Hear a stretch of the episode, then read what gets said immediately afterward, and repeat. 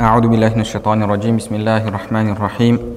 الحمد لله رب العالمين والصلاة والسلام على نبينا محمد وعلى آله وأصحابه أجمعين. رب اشرح لي صدري ويسر لي أمري واحلل عقدة من لساني يفقه قولي.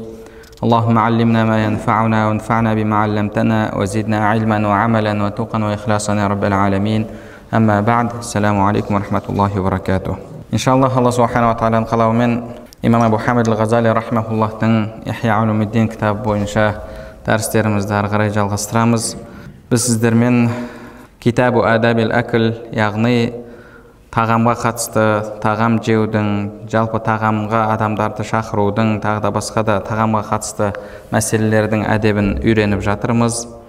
Өткен дәрісімізде жалпы үйіңізге бір бауырыңызды шақырсаңыз үйіңізге бауырыңыз келетін болса қандай әдептерді сақтау керек тағам ұсыну мәселесінде соған қатысты тоқталған болатынбыз.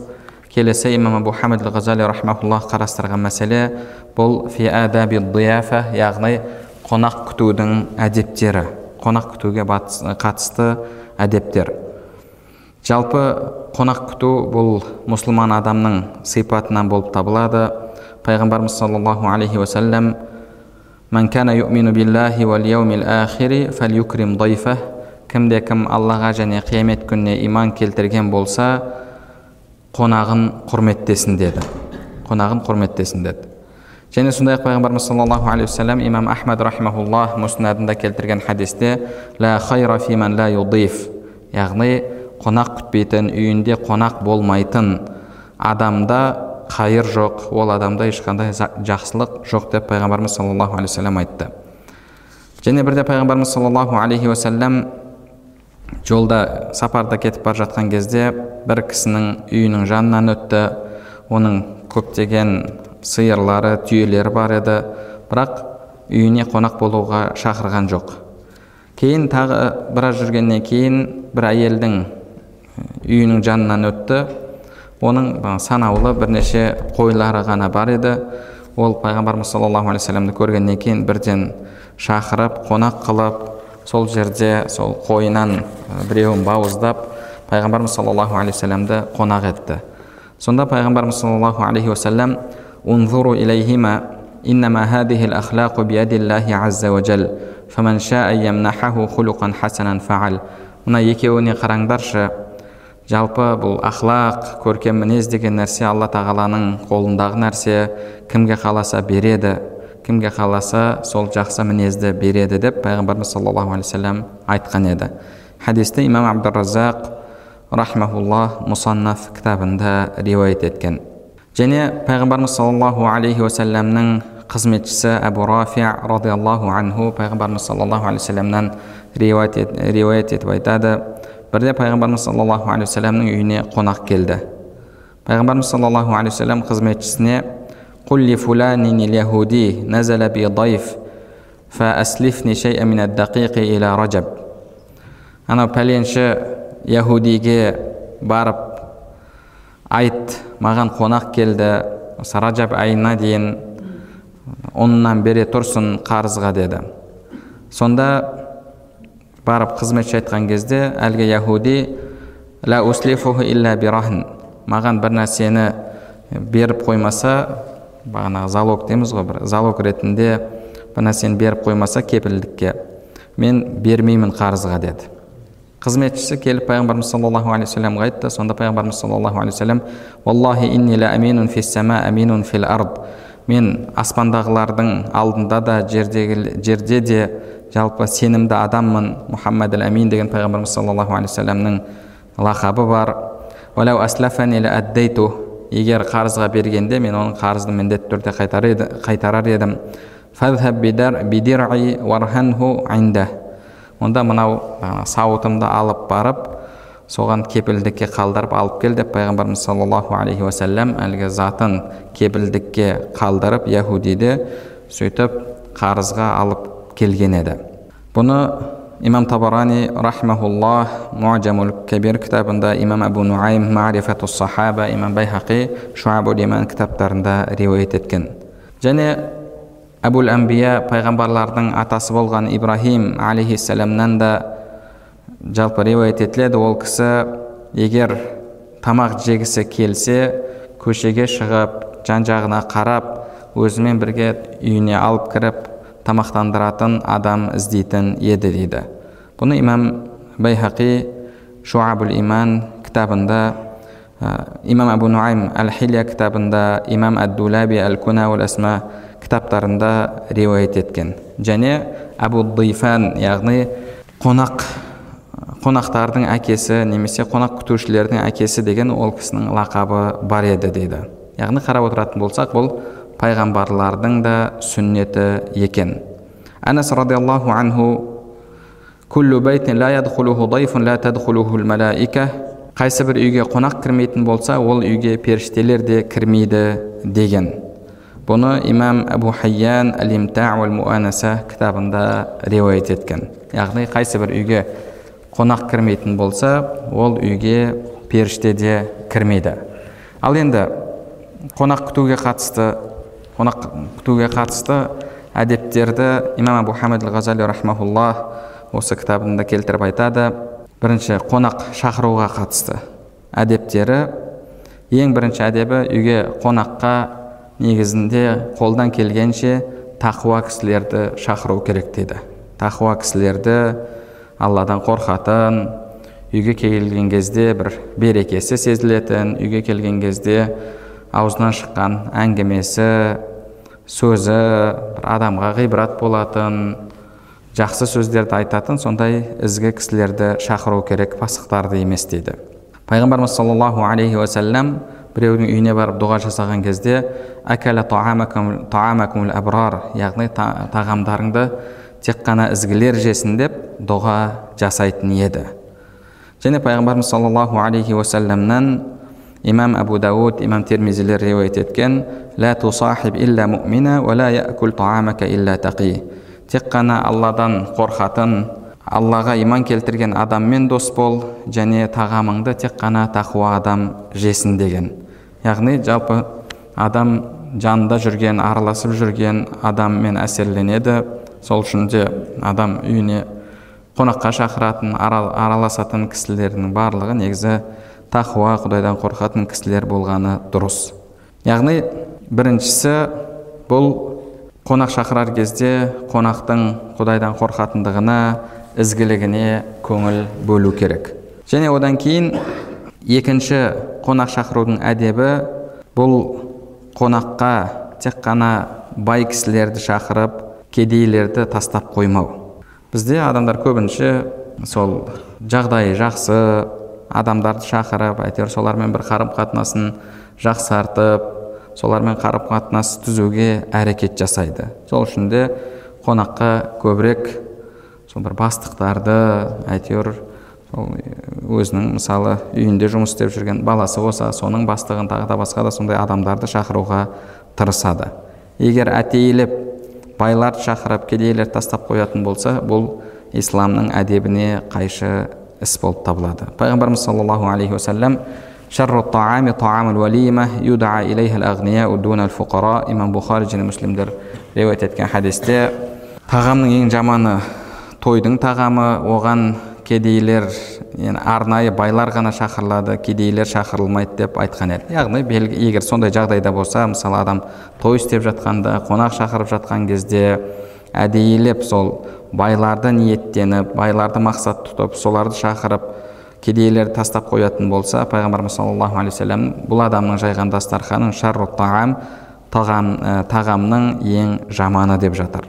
Және сондай ақ қонаққа адам шақырған кезде өзінің туысқандарын тастап қоймауы керек. Өзінің туысқандарын ұмытып басқа адамдарды шақырып басқалармен ғана мана қонақ болу тұрғысынан араласып өзінің туысқандарын ұмытып қоймауы керек себебі ең бірінші сіздің жақсы мәмілеңізге осындай қонақ етіп араласуыңызға лайық болған адамдар олар сіздердің туысқандарыңыз туысқанды тастап қойып басқаларды шақыру бұл қатау рахим яғни туысқандық қарым қатынасты үзу болып табылады және сондай ақ қонақ шақырған кезде мақтануды өзінің бір жағдайын көрсетуді ниеттенбеуі керек. Керісінше сол бауырларымен арадағы қарым қатынасты түзетуге бауырлармен жақсы мәміледе болуға сол арадағы бауырлық қарым қатынасты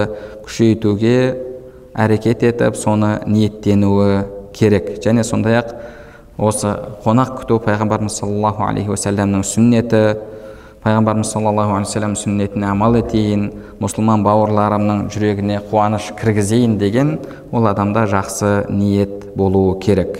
Және сондай ақ қонақ шақырудағы тағы бір әдеп бұл саған шақырған кезінде қиналып келетін келген күнде сол жердегі мысалы басқа бір адамдар шақыратын болсаңыз сол адамдармен бірге отырған кезде бір аралары мысалы дұрыс болмай аралары жақсы болмай сол жерде отырған кезде зиян шегетін бір бірімен отырғаннан қиналатын адамдар болса олай шақырмаған дұрыс дейді.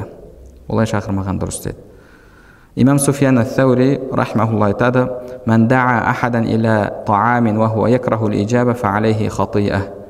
кімде кім бір адамды үйіне тағамға шақырса асқа шақырса қонақ етуге шақырса бірақ ол адамның иә деп айтуын айтуды ұнатпайтынын білсе онда ол адам күнә арқалайды деген. Егер әлгі шақырылған адам жауап беретін болса оған екі күнә болады деген екі күнә болады. Біріншіден ол жерге барған кезде ол жерде өзі қиналады зиян шегеді және сол жерде отырған басқа адамдарға зиян шектіруі мүмкін. Және сондай ақ әлгі шақырып жатқан адам да егер оның иә деп бір қуанып айтпайтынын біліп тұрып шақырған кезде көп жағдайда бір амалдың жоқтығынан шақырады. Иә деп жауап берсе онда ол ішінен оны жақтырмай тұруы мүмкін. Сол үшін де яғни жалпы негізі мысалы араласа алмай жүрген адамдар болатын болса оларды мысалы қонаққа шақырғанда басқа адамдармен бірге жинап шақырып одан кейін сол жерде олардың мәселелері көтеріліп мысалы жарастырғыңыз келсе одан кейін жараса алмай арасынан береке қашып жатса жанында отырған адамдарға да зияны тиеді. Оларды жарастырмақшы болсаңыз жеке өздерін шақырып мысалы екі адамды ә, сол жерде yani, қолдан келгенше жарастыруға тырысу керек. Немесе алдын ала бірінші екі жақтың арасында жүріп екі жақты былайша айтқанда былай сол кездесуге дайындап барып одан кейін кездестірген дұрыс болады. Ал енді мысалы жарастырам деген ниетіңіз болса да ол жерге алып келдіңіз. Бірақ әрқайсысының өзінің ә, бір жүрегінде жүрген реніші бар. Сол жерде соны айтып қайтадан арты дауға ұласып жатса онда отырған отырыстың да берекесі кетеді. Имам абу хамид ал ғазали рахмауллах тағы да айтады мынау тақуаны шақыру пасықты шақыруға қатысты егер сіз тақуа кісіні шақыратын болсаңыз бұл сіздің оның ары қарай тақуалығын күшейтуіне көмектесуіңіз болады оның алланың құлшылығын жасауына көмектескеніңіз болады. Ал пасықты тамақтандыратын болсаңыз оның ары қарай күнә істеуіне сіз тағы да көмектескен боласыз дейді. Яғни бұл жалпы адам шақырған кезде сіздің сақтауыңыз керек болған әдептер. Және одан кейін қонаққа біреу шақырса оған жауап беруге яғни келуге қатысты әдептер ең бірінші әдебі имам абу айтады шақырған жерге бару сүнна муаккада яғни бекітілген сүннет дейді. Және ешқандай бір бармауға үзір болмаса онда бару уәжіп деген де ғұламалар бар дейді бару уәжіп деген де ғұламалар бар деді пайғамбарымыз саллаллаху алейхи уассалам имам бұхари келтірген хадисте кура деген жерге шақырылсам оған барар едім деген кура деген негізі мединенің сыртында яғни біраз жол жүріп бару керек болған жер болып табылады. Пайғамбарымыз саллаллаху алейхи уассалам фәтх жылы меккеге сапарға шыққан кезде сол жерге барған кезде намазын Э, қысқартып оқығандығы жайында сол жерге барған кезде аузын ашқандығы жайында риуаяттар келеді. Яғни сондай ұзақ жерге шақырылсам да мен барар едім деп айтқан. Енді біреу сізді қонаққа шақырған кезде оған баруға қатысты әдептердің біріншісі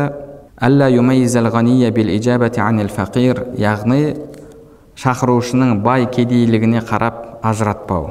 Бізде адамдар бай адам шақырса қуана оның үйіне барады. Егер шақырып жатқан адамнан бір пайда болмаса дүниелік пайда болмаса ол бір ісін шешіп беруге күші жетпейтін адам болса онда көп жағдайда оған қатты көңіл бөлмейді. Жалпы өмірде ол нәрсені көптеп көріп жатамыз. Бай адам болса бай адамның үйіне әйтеуір бәрі қалмай баруға тырысады барғанда әйтеуір мақтап бір ә, жағымпаздық жасап сондай нәрселер көп кездесіп жатады.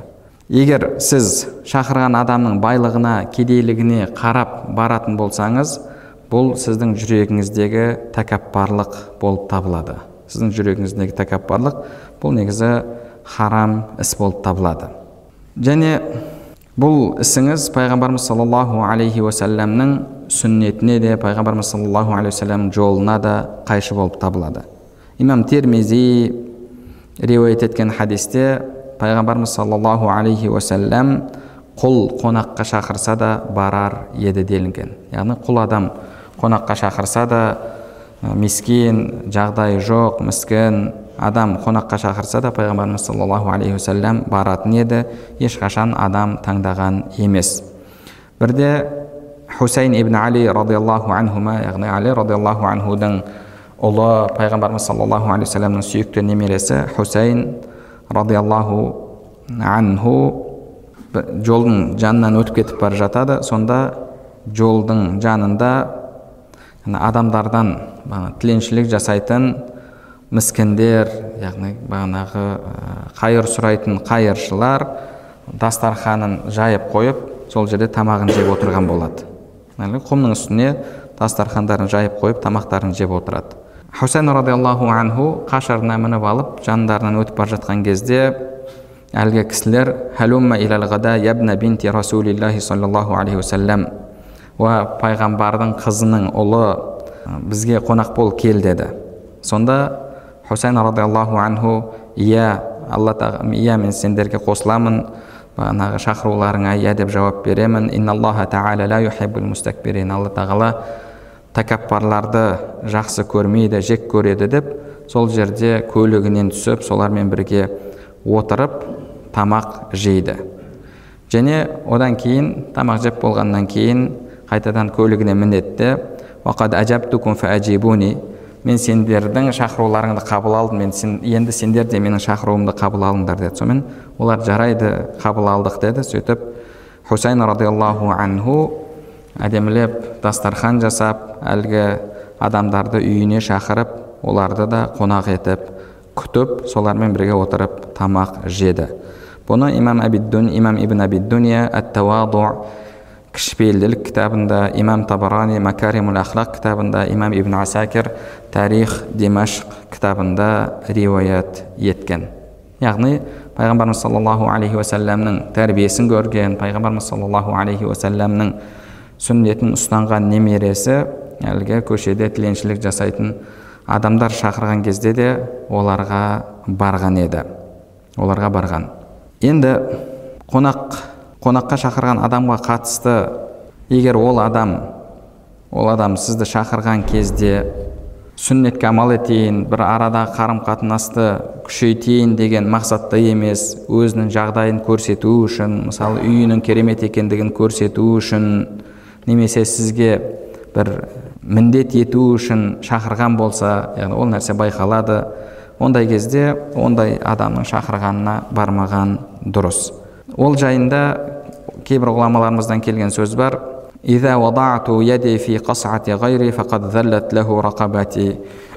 Егер біреудің ыдысына қолымды салсам яғни табағына қолымды салсам менің мен оның алдында қор боламын оның алдында кішірейемін деген сөзді айтқан. Яғни бұл іс мені қорлайды деген мағынадағы сөзді айтқан. Имам мұхаммед ғазали рахмаулла ол ғұламалардың бұл сөзін түсіндіріп айтады. Яғни егер бір адам сізді шақырған кезде тәкаппарлану үшін мақтану үшін өзінің жағдайын көрсету үшін шақыратын болса немесе шақырған кезде негізгі ниеті бір сізге соны міндет етіп өткізу бір нәрсені өткізіп қою ниетінде шақыратын болса ондай адамның шақырғанын қабыл алмау керек деді. Ондай адамның шақырғанын қабыл алмау керек. Және сондай қиналып шақыратын болса ол адамның да шақырғанына бармау керек дейді. Яғни жүрегінен бір қуанып тұрып сізді шақырмаса онда ол адамға бармау керек. Қолдан келгенше үзір айтып шақыруына жауап бермеу керек дейді. Имам абу хамид ғазали рахмаулла айтады сол үшін де кейбір кей, осындай бір ізгі тақуа ғұламалардың айтқан сөзі бар дейді. Лә туджиб илля яра ризқак وأنه سلم إليك وديعة كانت لك عنده ويرى لك الفضل عليه في قبول تلك الوديعة منه сені қонаққа шақырған кезде оның үйіне барып яғни сен оның үйіне барып өзіңнің рызқыңды жеп кетесің өзінің рызқын жеп кетеді деп білген және сен оның үйіне барған кезде тағамын жеген кезде менде тұрған аманатын жеп кетті аманатын алып кетті деп білетін және сен оның үйіне қонаққа барған кезде менің шақырғанымды қабыл алды деп өзін бір жақсылық жасаған адам ретінде емес керісінше сені жақсылық жасаған адам ретінде көретін адамдардың шақырғанын қабыл алыңдар солардың үйлеріне барыңдар деген сөзді айтқан. Яғни негізінде бізде қазақта да сөз бар жалпы қонақ өзінің рызқымен келіп кетеді. Өзінің рызқымен келіп кетеді. Яғни сіз оны рызықтандырып жатқан жоқсыз. Керісінше ол сізге үйіңізге береке кіргізеді береке алып келеді. Бағанағы не дейді? Қонақ он рызықпен келіп соның біреуін жеп тоғызын қалдырып кетеді деген сөз бар. Сізді шақырған адам менің үйіме келіп мына адам өзінің рызқын жеп кетеді. Менде тұрған яғни алланың беріп қойған сол аманатын алып аманатын жеп кетеді деп білген адамның үйіне барыңдар деген. Және оның үйіне барған кезіңізде сізді бір өзіне жақсылық жасаушы адам ретінде көретін адамдардың үйіне қонаққа бару керек деді егер шақырып жатқан адам сондай ізгі кісі болатын болса жақсы кісі болса онда ол адамның шақырғанын қайтармау керек. Бұл жайында имам әбу тураб рахмаулла айтады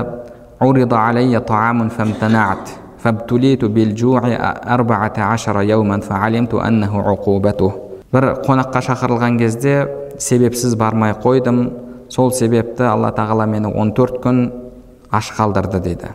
14 күн аш қалдырды және сол маған алланың жеткен алланың жеткізген азабы екенін сол әлгі ісімнің жазасы екендігін мен білдім деді яғни бұл жалпы бірінші әдебі. Яғни қонаққа біреу сізді шақырған кезде соған жауап беру мәселесі.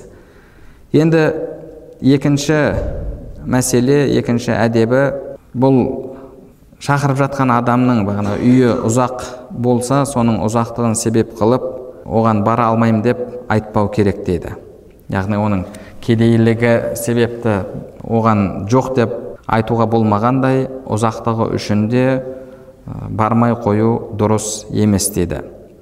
Имам абу хамид ғазали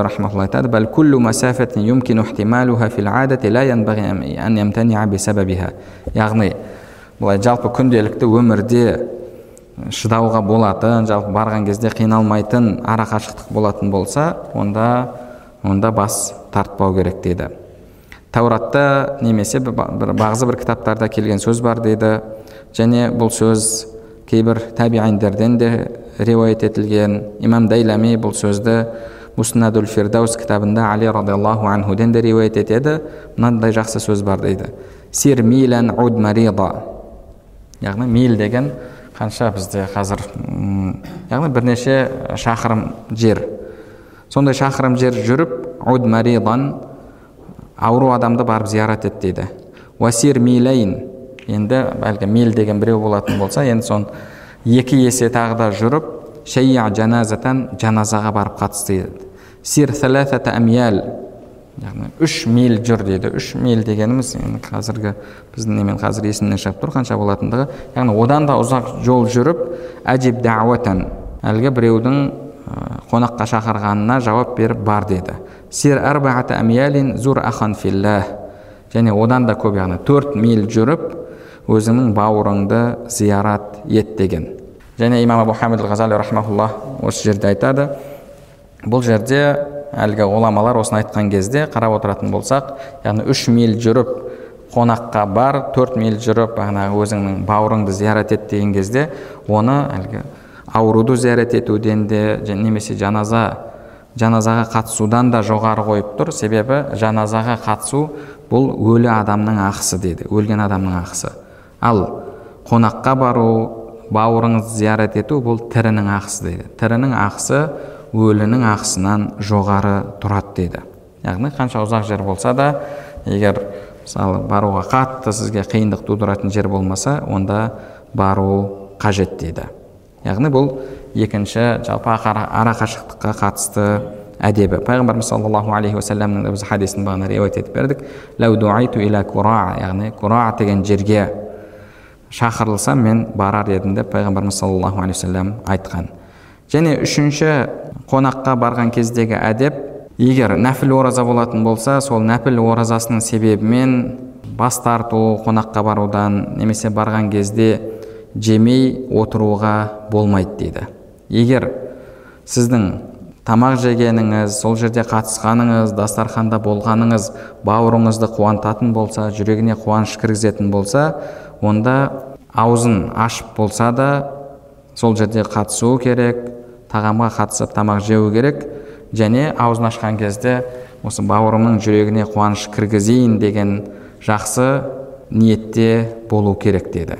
Жақсы ниетте болып солай істейтін болсаңыз ол сіз үшін нәпіл ораза тұтудан да абзал болып табылады деді. Абзал болып табылады. Яғни мысалы бүгін ораза тұттыңыз сөйтіп сізді қонаққа шақырып қалды. Барған кезде сол бауырыңыздың жүрегіне қуаныш кіргізу үшін аузыңызды ашқаныңыз дұрыс болып табылады. Бірде әбу саид әл худри радиаллаху анху сахабаларды тағы да біраз адамдар жалпы сахабаларды шақырып пайғамбарымыз саллаллаху алейхи вассаламмен бірге қонақ етті. Сонда араларынан кейбіреулер біз оразамыз деген сөзді айтты. Сонда пайғамбарымыз саллаллаху алейхи вассалам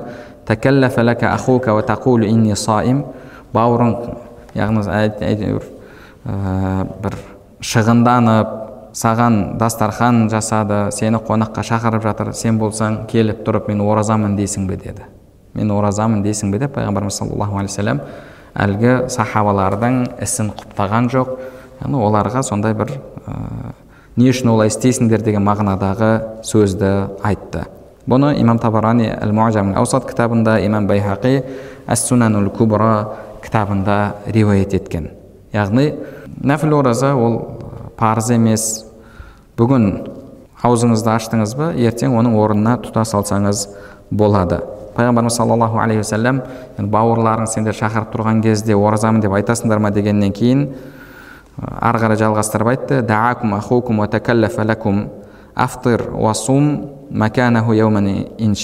аузыңды аш та кейін қаласаң орнына басқа күнді тұтып бер деді. Басқа күні тұтып бер деп айтты. Яғни ондай кезде қиналып ойланып отырмастан бірден ауызды ашып әлгі мұсылман бауырыңыздың жүрегіне қуаныш кіргізуге тырысу керек. Енді үйіне барып алып мен ораза едім деп отырсаңыз әлбетте оған да ыңғайсыз болады. Ибн аббас радиаллаху анхумадан риуаят етіледі. Min afdalil хасанат икрамул бил ифтар ең жақсы амалдардың бірі жаныңызда отырған яғни дастархандас болған бауырларыңызды аузыңызды ашып құрметтеу деді. Яғни ораза болып тұрсаңыз да аузыңызды ашып құрметтеу бұл ең жақсы амалдардың бірі дейді енді бұлай ауыз ашу негізі бұның өзі сіздің көркем мінезіңізді көрсетеді бауырларыңыздың жүрегіне қуаныш кіргізге, кіргізуге тырысқаныңызды көрсетеді. Бұның сауабы нәпіл ораза тұтудан абзал болып табылады дейді яғни бұл жалпы үшінші әдебі. Енді төртінші әдебі егер шақырылған тамаққа тағамға асқа шақырып жатқан адамның асында күмән болатын болса немесе сол отырыста бір шариғатқа қайшы келетін іс болатын болса онда ол жерге барудан бас тарту керек деді. Яғни ол жерде шариғатқа қайшы келетін іс болып жатса мысалы дастарханда харам нәрсе болатын болса мысалы сіз барған жерде әлгі бір бай шақырып үйінде үйіндегі дастархан үйіндегі ыдыстары алтыннан күмістен болатын болса біздің шариғатымызда алтыннан күмістен ыдыс тұтынуға болмайды. Пайғамбарымыз саллаллаху алейхи уассалам ертең сол ыдыстардан ішкен тағамдары астары олардың ішінде от болып қайнайды деп пайғамбарымыз саллаллаху алейхи вассалам айтқан. Сол үшін де яғни сондай шариғатқа қайшы келетін болса немесе барған жерінде ары қарай мысалы сол жер бір вечеринка болып жатса немесе ол жерде бір ғайбат айтылып харам сөздер айтылатын болса немесе дастарханда харам нәрселер болатын болса ондай кезде ол жерге барудан бас тарту керек. Бас тарту керек. Және сіздің жақсы ниетіңіз сіздің ол ісіңізді жақсы амалға айналдырмайды. Неге? Себебі адамның ниеті мубах болған нәрсені яғни харам болмаған мубах болған рұқсат етілген амалды жақсы ниетіңіз құлшылыққа айналдырады. Бірақ сіздің жақсы ниетіңіз харамды ешқашан адал іске айналдырмайды. Сол үшін де яғни жалпы мысалы кейде кейбір адамдар болады табысының барлығы харамнан адалдан ешқандай табысы жоқ. Немесе әлгі үйінде әлгіндей харам нәрселер бар немесе әлгі сізді арақ қойылған дастарханда арақ бар тойға шақырып жатыр. Ондай кезде ондай дастарханда қатысуға болмайды дінімізде ол харам болып табылады. Одан кейінгі қонаққа қатысты әдеп. Адам қонаққа баратын кезде барып тамақ жеп қарнын тойдырып қайтуды ниеттенбеуі керек. Егер олай ниеттенетін болса ол адам яғни бұл дүние үшін амал еткен болып табылады. Егер ниетін түзелейтін болса ниеті жақсы болатын болса онда ол адам алла субханала тағаланың алдында сауап алады. Сол үшін яғни ең бірінші ниет бұл мен пайғамбарымыз саллаллаху алейхи уассаламның сүннетіне амал етіп жатырмын деген ниет болуы керек дейді. Бұл бірінші ниет.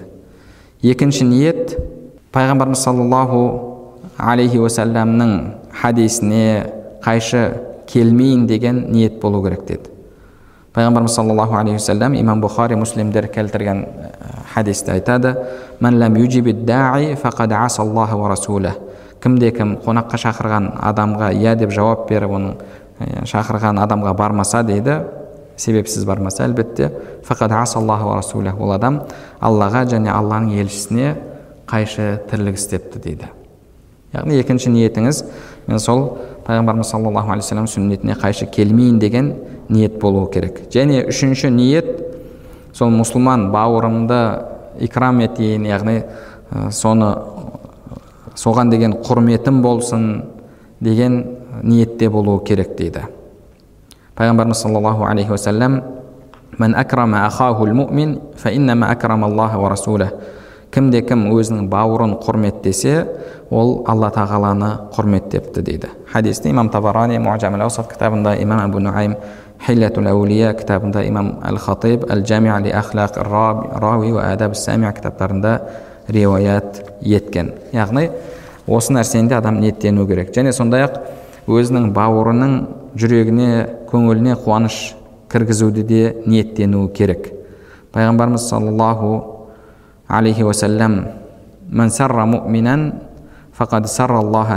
кімде кім мұсылманның жүрегіне қуаныш кіргізсе қуантса ол алла тағаланы қуантыпты дейді. Хадисті имам байхақи шуабул иман кітабында имам абу нуайм хилатул әулия кітабында риуаят еткен.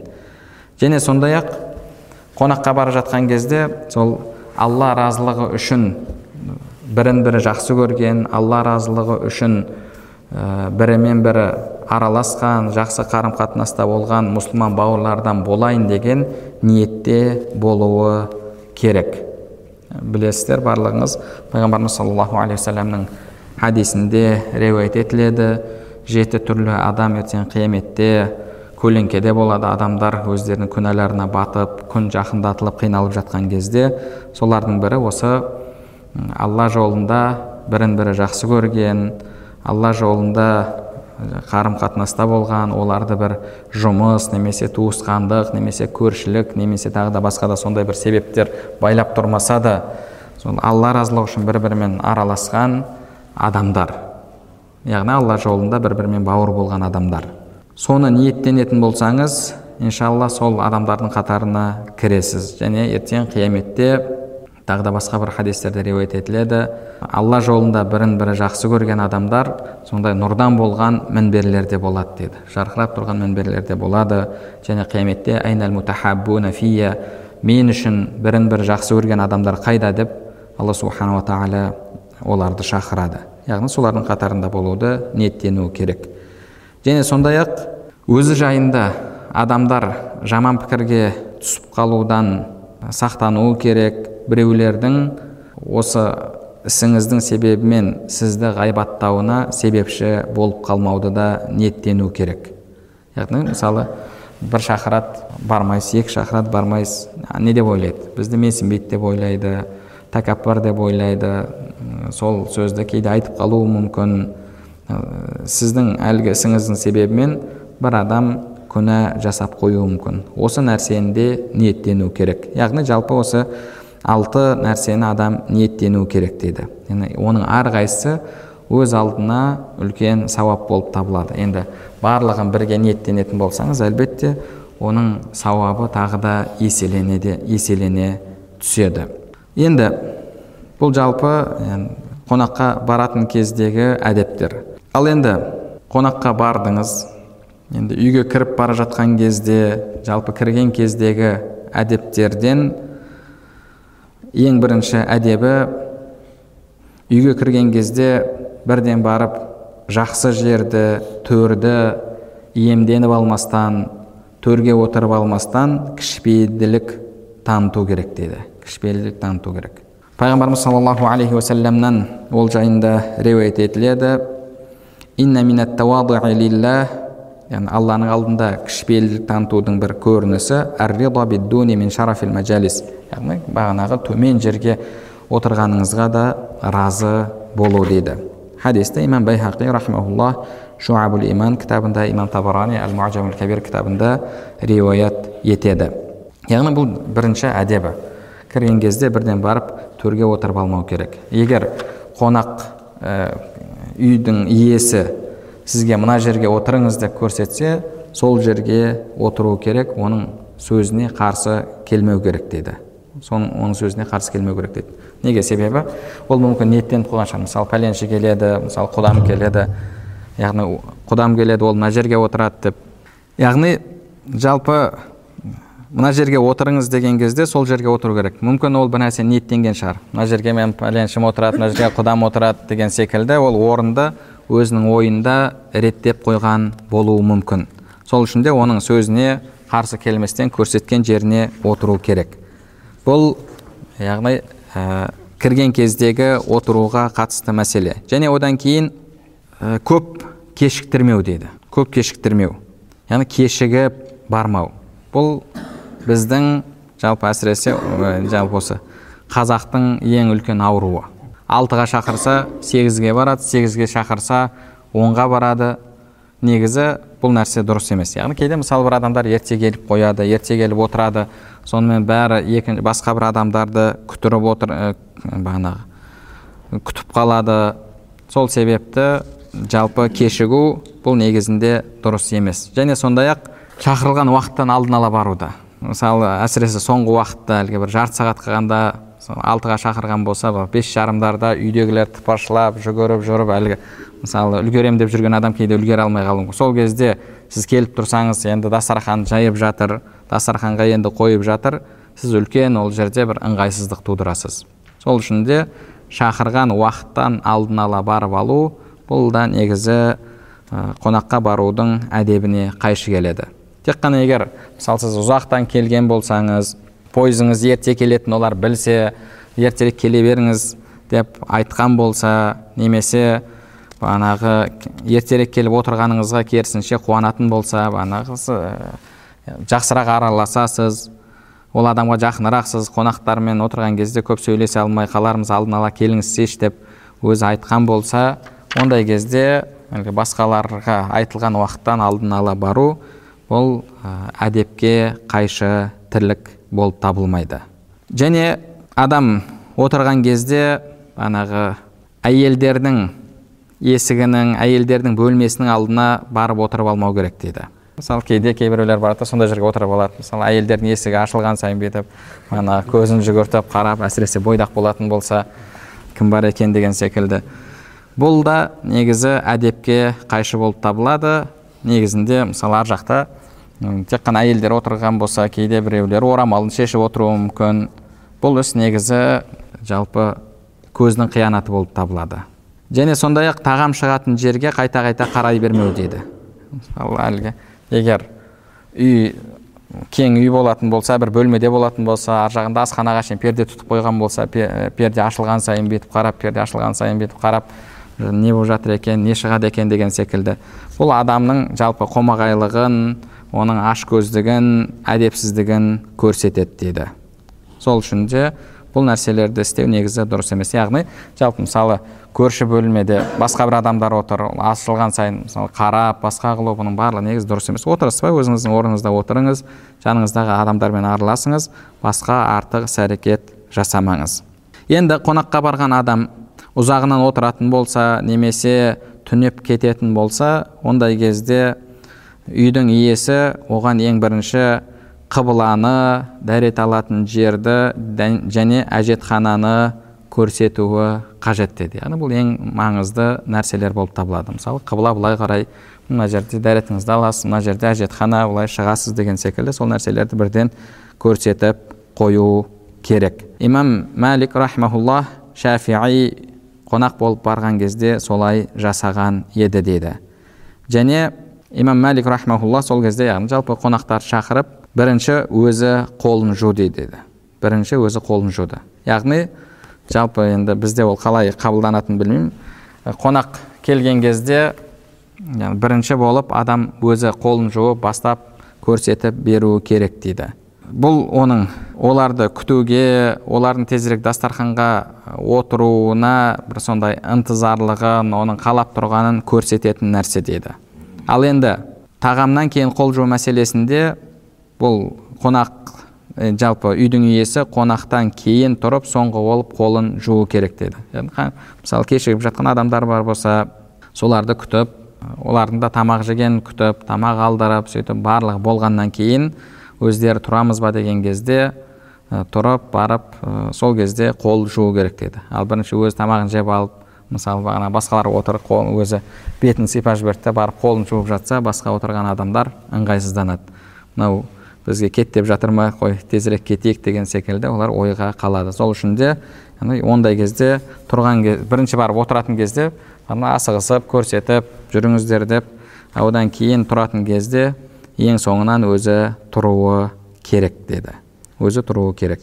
Және сондай ақ адамдарды мысалы күттіру мәселесіне қатысты жалпы негізі адамдардың басым көпшілігі шақырылғандардың келіп қоятын болса ондай кезде тағамды күттірместен бір екі адам үшін басқаларды күттіріп қоймастан тағамды беру керек.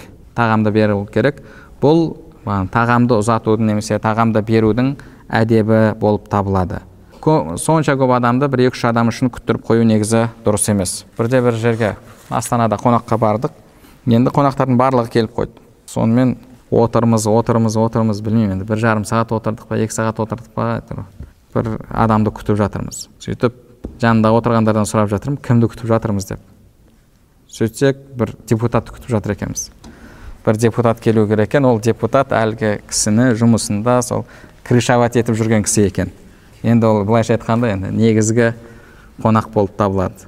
Енді ол болса енді бір өзі сонда әйелімен басқаларды енді екі сағат күттірді ау бір бір жарым екі сағат күттірді келді келгеннен кейін әлгі отырып алып біз францияда жүргенде біз японияда жүргенде біз ана жерде жүргенде біз мына жерде жүргенде әңгімесінің барлығы сонымен жанындағы кісіден сұрап жатырмын бұл жақсырақ танитын кісі.